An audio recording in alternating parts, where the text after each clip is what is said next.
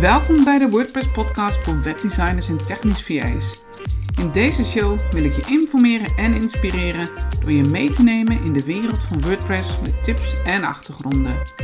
Mijn naam is Rolinde Brons, eigenaar van Solid WP, waarmee ik WordPress onderhoud en support aanbied. Speciaal voor webdesigners en technisch VA's. Superleuk dat je luistert. So, let's start. Overweeg jij om WordPress websites onderhoud uit te besteden, om het niet zelf te doen, maar denk je van ja, aan wie moet ik dat nou overdragen? Dan zit je hier goed. Ik ga je vandaag drie, misschien vier tips geven die jou helpen bij het kiezen van de juiste partij om het WordPress onderhoud aan uit te besteden. het kan zijn dat je er geen tijd voor hebt, dat je er geen zin in hebt. dat is ook een goede reden. Of dat je denkt van ja, die expertise heb ik niet in huis en ik heb ook geen behoefte om dat te leren, want mijn kracht ligt ergens anders. Nou, dan is het inderdaad slim om eens om je heen te kijken en aan wie je dat zou kunnen uitbesteden. En ik geef jou een aantal tips daarvoor. Als eerste, en dat is misschien een aparte tip, maar begin bij jezelf. Wat vind jij belangrijk bij het onderhoud van de website? En dan kijk je zowel naar wat vind je belangrijk voor de website, bijvoorbeeld uh, hè, dus de, de, harde eisen om zo maar te zeggen. Het moet veilig zijn, het moet zo en zo vaak geüpdate worden, het moet ehm, gecontroleerd worden of alles nog goed werkt, er moeten zo en zo vaak backups worden gemaakt. Bijvoorbeeld heb je een WooCommerce site, dan vind je het misschien fijn als er real-time backups worden gemaakt, of in elk geval één keer per uur.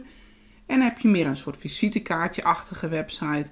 Waarvan je denkt, ja, weet je, gisteren en vandaag en volgende week zal er niet heel veel anders op de website staan. Dan is het minder interessant om er elke uur een backup van te draaien. Dus wat is voor jou belangrijk? Hoe moet er met jouw website worden omgegaan?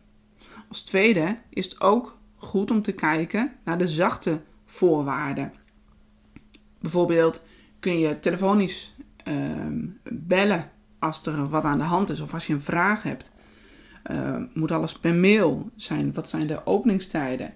Hoe gaan ze om met uh, urgente zaken? De website ligt plat. Moet je extra betalen als je, als je voorrang wil krijgen? Dus, en hoe kom je daar nou achter?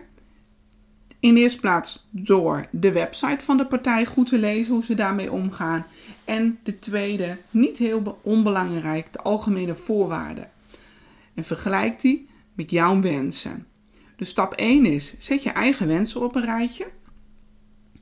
En stap 2 is, kijk hoe de partijen daarmee omgaan.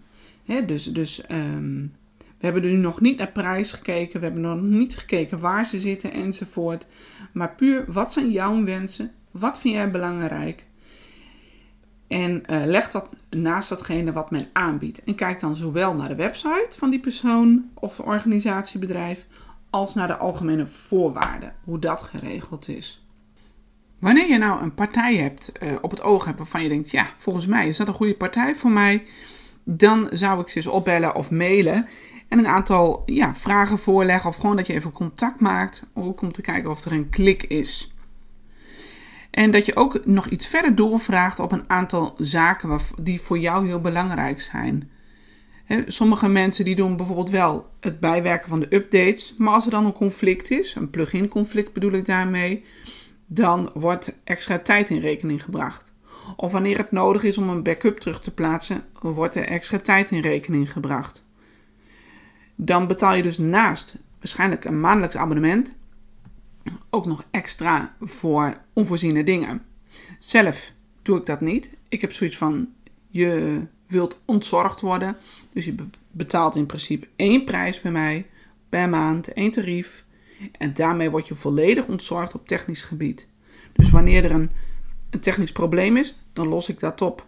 Wanneer je ergens tegenaan loopt terwijl je aan het werk bent, dan los ik dat op. Of dan kijk ik op zijn minst met je mee om te kijken hoe we dat kunnen oplossen.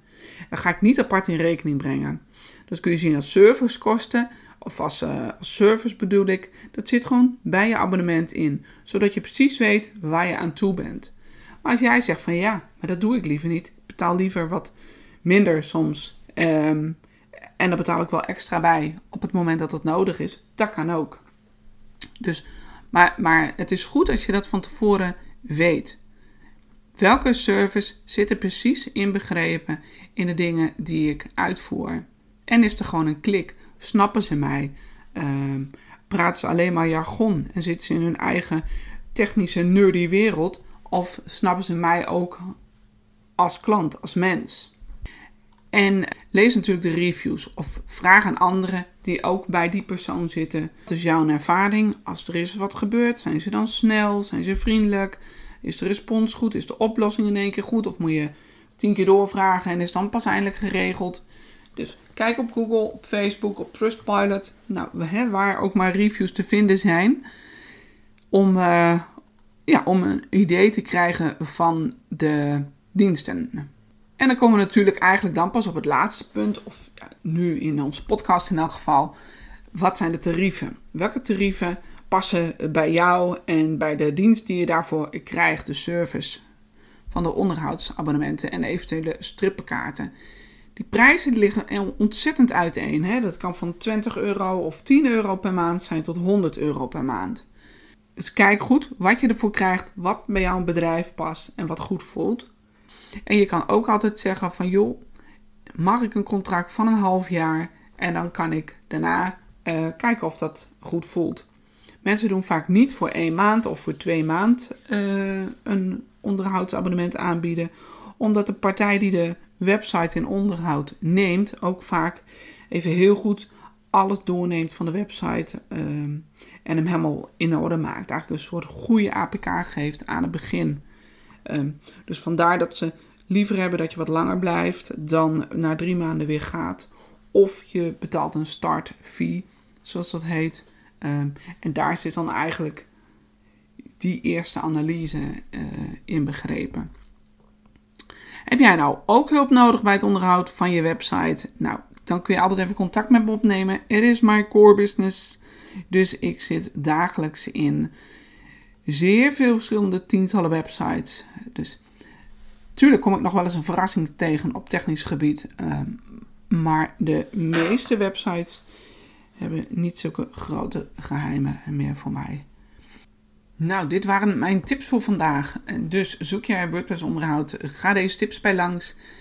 Kijk naar je eigen wens, kijk naar degene die wat te bieden heeft en maak een mooie match. Succes en een fijne dag nog. Bedankt voor het luisteren naar de WordPress podcast van webdesigners en technisch VA's. Vond je het interessant? Geef mijn show dan een review op iTunes of Spotify, zodat ik weet dat je hier wat aan hebt en deel deze aflevering met anderen. Ben je geïnspireerd of wil je meer informatie? Bezoek de website solidwp.nl en neem contact met me op. Dat zou ik hartstikke leuk vinden. Voor nu nog een hele fijne dag en tot de volgende aflevering.